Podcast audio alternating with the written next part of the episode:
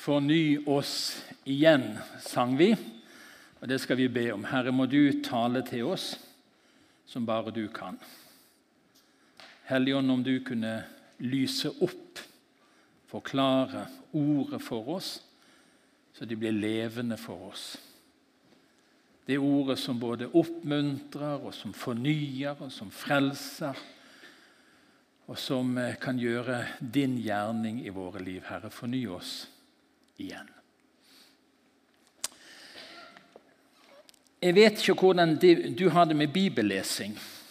Jeg har hatt som mål i mange år å lese gjennom Bibelen én gang i året.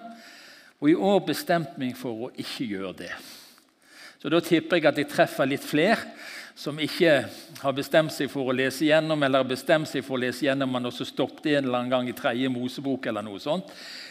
Men det jeg har prøvd å gjøre flere ganger dette året, det er å være i noen få kapitler lenge. Så De siste to ukene så har jeg vært i kapittel 1 og kapittel 2 i apostelgjerningene. Da vet dere at det handler om eh, pinse. Jesus forlater disiplene sine, han gir dem et løfte. Pinsedagen kommer, og kirken blir si, satt inn i denne verden og får starte sin tjeneste. Og Det er underlig når du er i et avsnitt eller i noen kapitler så lenge, så begynner ordene å tale på en litt annen måte. Hvis du leser sånn, Når du har om å gjøre å lese tre-fire kapitler i løpet av en dag, så er det litt sånn Bli ferdig. Men når du har lest det samme om igjen, om igjen og om igjen, om igjen, så dukker det kanskje opp nye ting. Og så opplever du at istedenfor at du leser ordet, så begynner ordet å lese deg. Og når jeg leste disse to kapitlene, etter hvert kapittel 3 og kapittel 4 og kapittel 5, eh, så begynte det å vokse fram noe som jeg på en måte aldri har tenkt skal være hovedsaken på en pinsepreken. For Da forventer folk å få høre dere skal få kraft når Den hellige ånd kommer over dere. Og så kommer jeg og sier i dag blir det lite kraft. Ja, Vi håper det blir det. Men altså, det var noe annet som vokste fram. Noen sånne mønstre som jeg ikke helt hadde lagt merke til, ble tydeligere og tydeligere. Noen vaner, noen ting som gikk igjen gjennom disse kapitlene.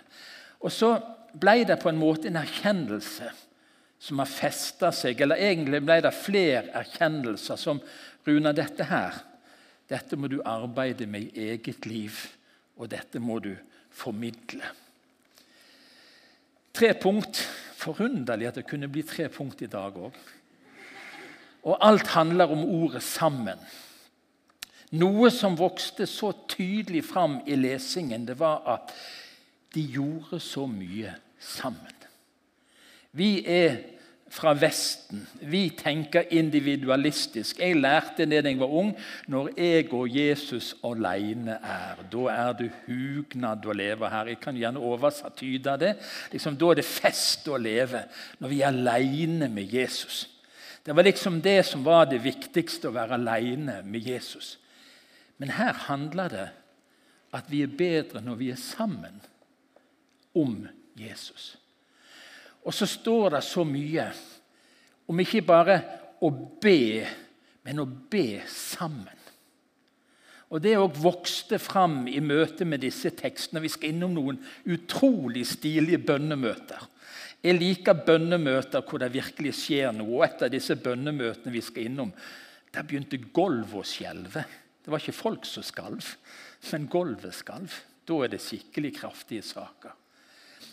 Og kanskje det viktigste Det var ikke sånn at én og to og tre ble påvirka forandra.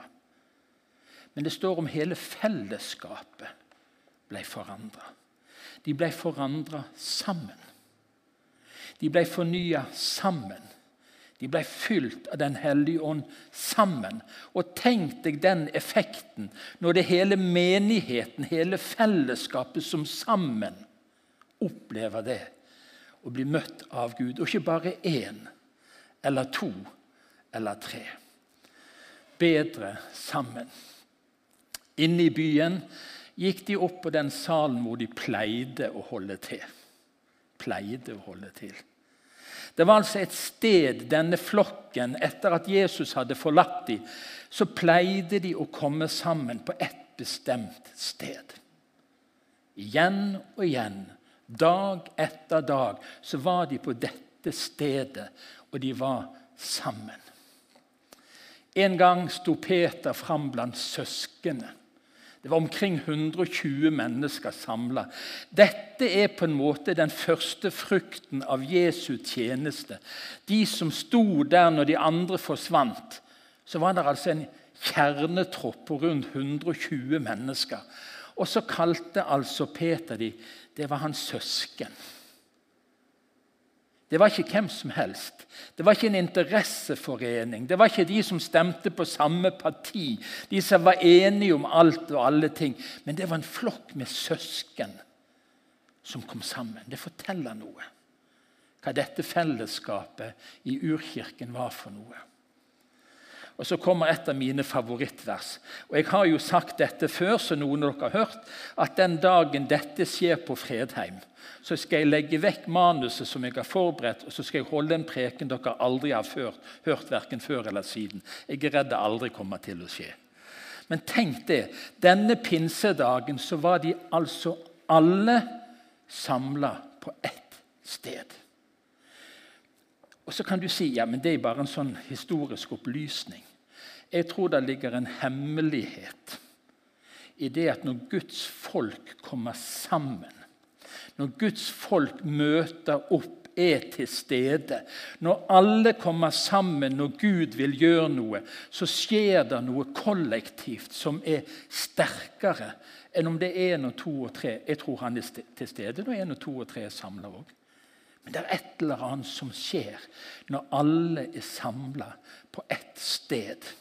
Jeg har sagt det at Hvis jeg skal holde en preken så alle på Fredheim hører, som går på Fredheim, så må jeg holde den minst fire søndager på rad. Og Jeg tror ikke jeg hadde nådd alle da engang.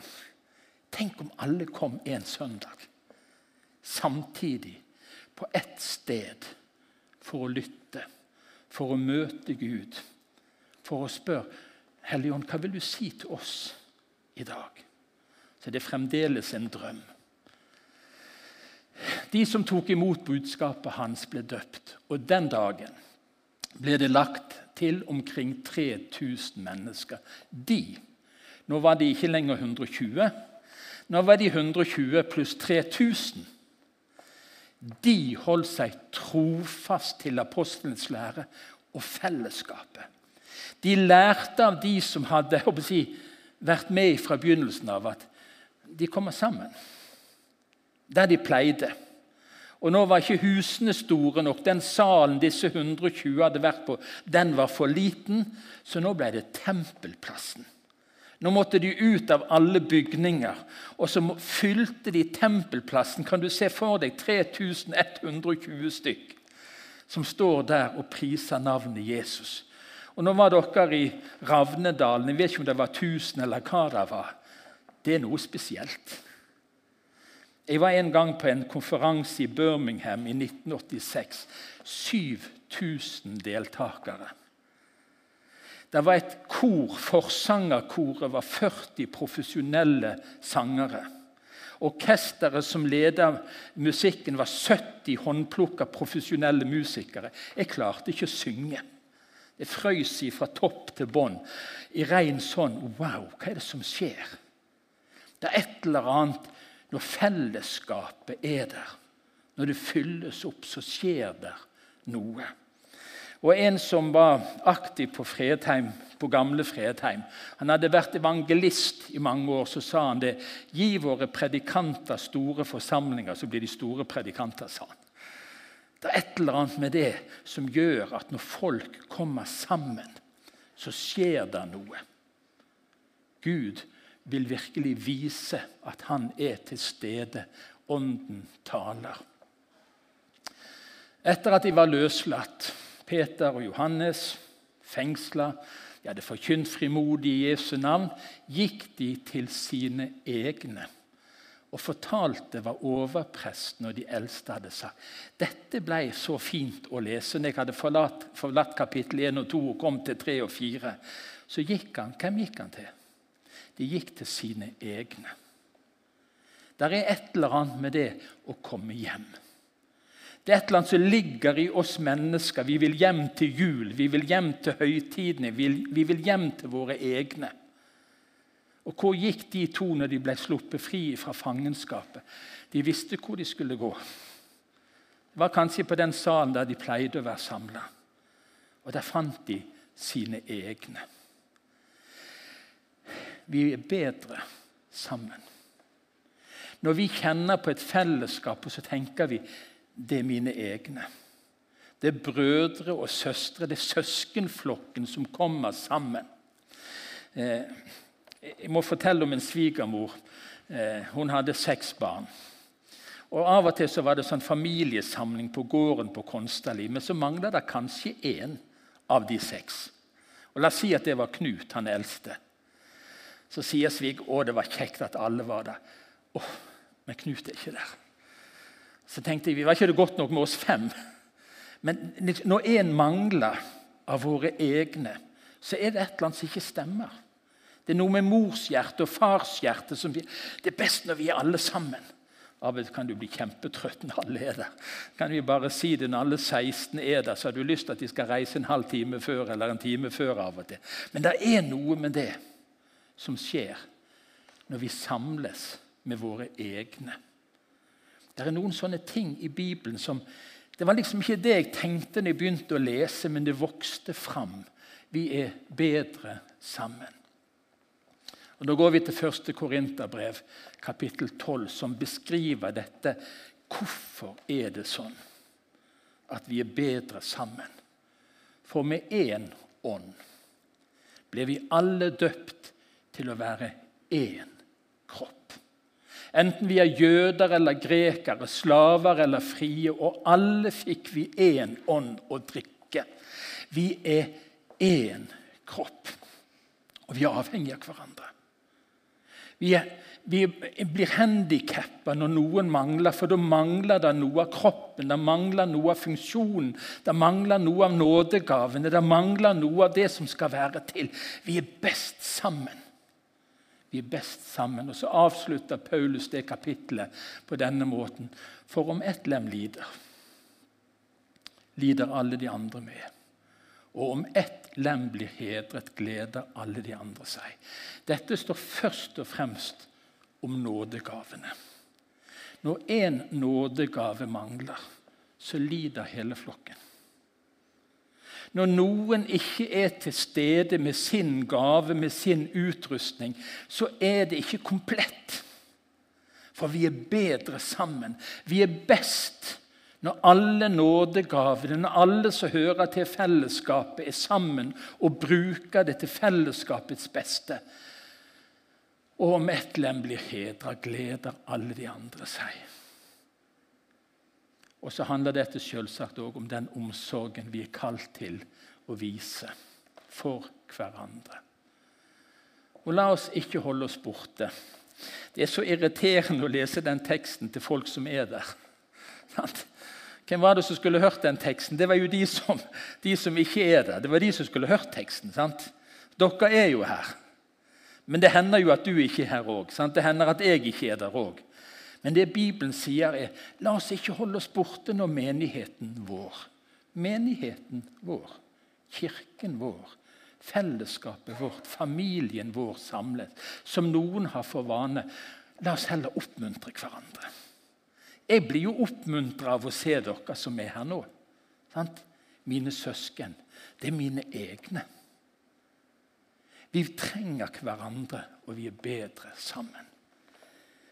Og så kan vi ikke lese disse tekstene uten å lese det som står om bønn. Og det vokser fram sterkere og sterkere når vi leser disse første kapitlene i, i apostelgjerningene. Alle disse de som pleide å komme på denne salen, alle disse, så forskjellige de enn var, holdt trofast sammen i bønn. Pinseunderet skjedde i forlengelsen av et bønnemøte.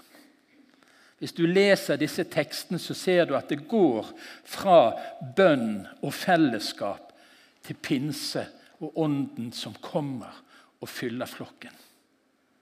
Alle disse holdt trofast sammen i bønn. De holdt seg trofast til apostlenes lære. Nå er de altså 3120. Og fellesskapet til brødsbrytelsen og bønnene. På tempelplassene. I hjemmene brøt de brødet med glede, feira nattverd sammen. Og du kan være trygg på at de hadde bønnemøter i hjemmene. Og så skal jeg ikke si det at, at vi skal kopiere dem for de kom sammen hver bidige dag. Det hadde blitt litt slitsomt for mange av oss, tror jeg. Men hver dag så var de sammen i bønn. De holdt seg trofast til noe, og de holdt seg trofast til bønnene. Så kommer vi til kapittel fire. Og det bønnemøtet skulle jeg likt å vært en flue på veggen. Nei, jeg skulle likt å vært der. Jeg skulle likt å vært en del av det bønnemøtet. Gå hjem og les om det bønnemøtet i Apostelen gjerning kapittel 4. Da de andre hørte det, ba de til Gud med ett sinn og én stemme. Her er det en åndelig enhet, uavhengig av at de nå blitt tusenvis av forskjellige mennesker med forskjellig livshistorie. Så ba de med ett sinn og én stemme. I en engelsk oversettelse så står det at de ba in one accord. I én akkord. En velstemt, velklingende akkord hvor tonene passer sammen sånn at det klinger godt. Det går altså an å oppleve i et fellesskap at bønnen er én. Det var som om det var én bønn, det var én nød, det var én forventning, det var ett rop til Gud fra alle disse menneskene som var sammen og ba. For et bønnemøte. Lenger ut, Vi skal komme tilbake inn til den teksten. Vi er kommet litt lenger ut i apostelgjerningene. I Antiokia er vi nå. En gang mens de feiret gudstjeneste for Herren og fastet, sa Den hellige ånd. Altså Temaet i dag er 'til stede når Ånden taler'. På en gudstjeneste så sa Den hellige ånd. De skulle ta ut noen som skulle ut og dele evangeliet. Og Det ble Paulus sin utsendelse. Han var på en gudstjeneste, og så ble han sendt ut med evangeliet. Ånden sa det. 'Ta ut for meg. Send de ut.' Og så står det etter faste og bønn la de hendene på dem og lot dem reise. Vi har det sånn når vi ber, så ber vi her framme. I gamle dager har noen av dere vært på, sånn søndagskveldsmøte hvor dere endte med si, rumpen i været og hodet inn i stolen, og så lå vi på kne og hadde bønnemøte. Det var ikke så sjelden vi opplevde det. Vi kjente et gudsnærvær i gudstjenesten, i møtet, som gjorde at vi kunne ikke gå fra hverandre før vi hadde knelt og ropt til Gud sammen. Etter faste og bønn. Ånden talte, Gud virka. Og så ble det bønnemøte på en helt annen måte. Du trengte ikke å organisere det, det ble helt naturlig. Det ble en følge av at Ånden talte og virka i møtet. Og dette sier jeg dere. Hør nå, dette sier Jesus. Dersom to av dere her på jorden blir enige om å be om noe, hva det enn er, skal de få det min far i himmelen. For et løfte til å være flere sammen. Jeg tror ikke det stopper med to. Det kan være tre, og det kan være fem og det kan være ti. Ett sinn og én stemme. Så lytter Gud i himmelen på en spesiell måte. Og Jan Ingve, jeg må få lov å fortelle om noen av bønnemøtene vi har hatt onsdag morgen. Jeg er sånn som sliter med å be alene. Klokken går utrolig seint når jeg ber alene. Og Jeg begynner på listen hvem jeg skal be for, og så kommer jeg ned et stykke på listen. Og så kjenner jeg det var da forferdelig hvor lang tid jeg har brukt. Og så har det gått syv minutter eller fem minutter. eller noe sånt. Men når vi har den, hatt den timen onsdag morgen, så har vi opplevd et gudsnærvær. Flere onsdager har jeg kjent at her er Gud til stede. Det har vært sterkt å være der. Ånden har talt til oss når vi ber sammen på en spesiell måte. Og dette sier jeg dere. Altså, vi, vi skal be sammen.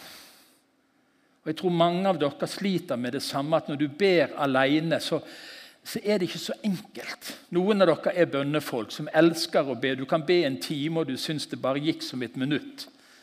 Men jeg tror de fleste av oss sliter. Men det å be sammen og Det gjør de gjennom disse kapittel etter kapittel. Så er det bønnemøter hvor Guds folk kommer sammen og ber. Og så skjer det noe. Jeg har ikke sett på klokken i dag, men jeg ser vi har god tid ennå. Så vi bruker litt tid på dette. Så skjer det noe. De som kom sammen, ble bedre sammen. De søkte Gud sammen. Med ett sinn og med én stemme så var de i bønn. Og så gjorde Gud noe med de som var der. Og det begynner på denne måten. Tunga som av ild viste seg for dem, delte seg og satte seg på hver enkelt av dem.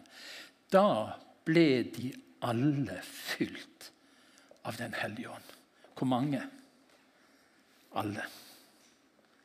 Og Så begynte de å tale på språk, og det må være mer enn apostelen som talte, for de var tolv. Og det var i alle fall 15 folkeslag regna opp i denne teksten, og mer enn det. Folk var fra hele den kjente verden og, og snakket et utall av språk. Og alle hørte Guds ord på sitt eget språk. Fordi Ånden ga hver enkelt av disse å tale på en helt spesiell måte. Så folk fikk høre om Guds storhet og Guds nåde på sitt eget språk. Vi trenger det på vårt eget språk. Hvor mange ble forandra? Alle ble forandra. For et møte. For en gudstjeneste. Kunne du tenkt deg å være på en sånn Nei, tenk å være på en sånn gudstjeneste. Hvor Ånden si, fyller alle. Ikke bare én, ikke bare to. Hva tror du det fører til når alle blir forandra? Jo, det står faktisk hva som skjedde. Alle de troende holdt sammen og hadde alt felles. Det ble en forandring. De var helt sikkert like egoistiske som du og jeg før dette skjedde. Det, det, det er mitt. Vi samla til oss. Men når Den hellige ånd kom, når Den hellige ånd fylte de, så regnet de ikke lenger sitt eget som sitt eget. Og Jeg husker en på gamle Fredheim som sa det at jeg hadde talt om dette. her. Ja, men sier han, det er Påstår du virkelig det at vi skal dele alt, og alle skal bare komme inn i menigheten og si 'her er bankboken min', og 'her er pengeboken min', og 'her er kortene mine'. Vær så god, bruk det som dere vil. Nei, vi kan lese lenger. I kapittel 5 så står det om Ananias og Safira. Alle delte, men de holdt noe tilbake. Og så gikk det dårlig med dem. Ikke fordi de holdt noe tilbake, men fordi de løy om at de hadde gitt alt. Og så sier Peter det. Det var jo deres. Dere kunne gjort med det hva dere Det var ingen tvang i dette. her. Det var en helt frivillig reaksjon i denne kirken hvor mennesker hadde blitt møtt av Den hellige ånd. at ja, Er det så nøye? Jeg husker en gang på, Vi var på en, eh, en Viken, en flokk fra Fredheim, nede på Moi. Da holdt Anne Lene en skikkelig god kollekttale. God på det. Og Så skulle vi gå ut og stå i kø foran en sånn eh, kortterminal. Og så ble det et forslag at vi bytta kort. Du som, gi, gi, ditt kort til han bak deg eller han foran, og så sier du koden.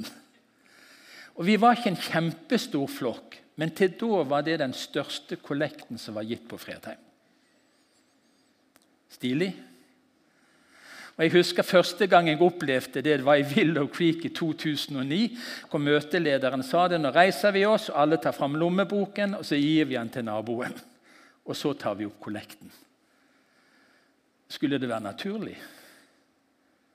Hvorfor? de hadde, Det skjedde noe. De ble forandra. Hjerte og holdning ble forandra. De regnet ikke lenger sitt eget som sitt eget, for det var Guds. Hva har du, sier Bibelen, som du ikke har fått? Spennende å tenke litt annerledes. Vi har tatt kollekten, har vi det nå? Ja. Skal vi ta en til? Vi gjorde det en søndag for et par år siden. Da hadde vi tatt en kollekt. Men så var det en av våre eh, Avana-venner fra eh, Albania som var på gudstjenesten. Så fant vi ut at vi fikk ta opp en kollekt til. Så han kunne få med seg. Og Da kom det en 75 000 kroner på den andre kollekten. Så jeg tror den andre kollekten blir av og til bedre.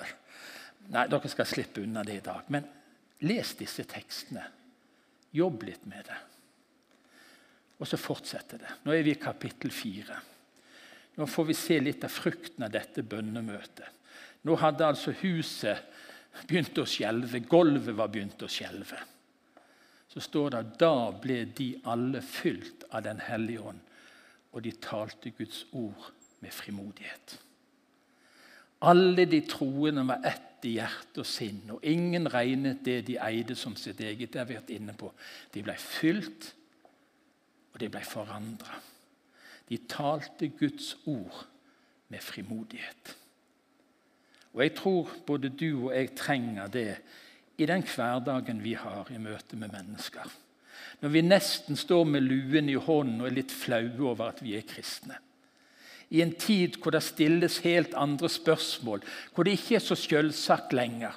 Hvor ikke vi liksom de kristne på en måte nesten regnes med trenger vi frimodighet. Trenger du det? Når Ånden taler, venner, når Ånden berører, når Ånden fyller, så skjer det noe med tungen vår. Det skjer noe med hendene våre, det skjer noe med føttene våre. De talte Guds ord med frimodighet. Og så fortsatte vekkelsen. Les disse kapitlene. Det står til og med en mengde av prestene kom til troen. står det. Da er det vekkelse. Eh, når de jødiske prestene, si mange av de, kommer til tro på Jesus, han som de hadde ropt 'korsfest', 'korsfest' bare noen uker før, eller måneder før. Jeg liker dette avsnittet. Når vi helt kommet til kapittel 17 disse folkene, de der kristne, som oppvigla hele verden Nå er de kommet hit òg. Fortærende. De der kristne. De som har møtt Jesus. De som har blitt fylt av Den hellige ånd. De oppvigler, de forstyrrer ro og orden. Det er ikke sånn som det var før. Før pinsedag. Det er ikke sånn det var før Jesus. Da var det stilt og rolig. Så kommer Jesus på banen. Og så åpner han veien hjem til Gud. Og så salver han noen vitner med sin ånd. Og så oppvigler de hele verden. Og Så ser dere en vekkelse som er helt unik i kirkens historie. Hvor titalls millioner mennesker tar imot Jesus og blir frelst. Hvorfor det? Fordi disse her, som oppvigler hele verden, de som var blitt forandra. De som hadde vært på gudstjeneste da de alle ble fylt av Den hellige ånd. Nå var de kommet der. Og så er vi der du kanskje forventa at vi skulle begynt i dag. I vers 80 kapittel 1 så sier Jesus noe om hva hele dette her med Den hellige ånd Hva er det viktigste? Og mange spennende ting med Den hellige ånd. Det er mange ting som vi kan få lov å vokse inn i av erfaring og utrustning og, og ledelse og minnelse som har med Den hellige ånd å gjøre. Men når Jesus summerer det i dette verset, så sier han på en måte dette er det viktigste av det Ånden gjør når den fyller mennesker. Men dere skal få kraft. Dere skal få kraft når Den hellige ånd kommer over dere, og det skal være mine vitner i Jerusalem, på hjemmebane. I Judea, i nabolaget. I Samaria, i en fremmed kultur. Og helt til jordens ender. Og det er det vi holder på med. Det er det som er vårt oppdrag. Og Da trenger vi kanskje 17 grunner til hvorfor vi tror på Jesus. I møte med mennesker som ikke ser noen grunner. Men aller mest så trenger vi det møtet sammen. Og hver for oss. Hvor Han ved sin ånd gir oss kraft. Hvor Han fyller oss. Og min bønn før denne gudstjenesten har vært Tenk om det skjedde med alle. Tenk om det skjedde med meg. At jeg fikk del i den åndens kraft som gjorde at jeg ble et vitne. Peter og Johannes, som vi snakket så vidt om tidligere, ble fengsla. Og hva var det de sa? Vi kan ikke la være å tale om det vi har sett og hørt. Så enkelt var det. Vi kan ikke la være å tale om det vi har sett og hørt. Vi har sunget den sangen. Nå skal ikke vi synge den nå. Jeg hadde tenkt å spille den, men det ble så kjelkete. Men kan ikke vi lese den? Nå skal jeg lese høyt. Og så er du med, og så ser du hva det står. La det være en bønn. Gud, la din ånd virke på oss, som beskrevet i ditt ord. La din kjærlighet få prege våre sinn. Hjelp oss å legge ned vårt eget, slik at bare du blir stor. La oss slippe hele himmelriket til. Jesus og Jesus, fyll oss med din ånd. Jesus og Jesus, fyll oss med din ånd. Du har fortjent vår takk og lovsang. Du skal få vår kjærlighet. Vi vil løfte våre hender opp til deg. La hjertets sang bli mer enn stemning. La oss i takknemlighet vise vilje til å gå den rette vei. Jesus og Jesus, fyll oss med din ånd. Skal vi be om det? Jesus, vi ber. Samla vi som er her, en mandagskveld på Fredheim. Det skjedde så mye når de var sammen. Når de søkte deg sammen, når de ba til deg sammen. Og du lot din ånd rikelig flyte over dem. Og Vi har sunget det nå, Herre. Forny oss igjen. Og jeg ber for min egen del, Herre, om forandring i møte med din ånd. Jeg ber for fellesskapet på Fredheim, at vi blir forandra når du fyller oss med din ånd, Herre. La det skje. Til ære for ditt navn, Jesus, du som fortjener alt.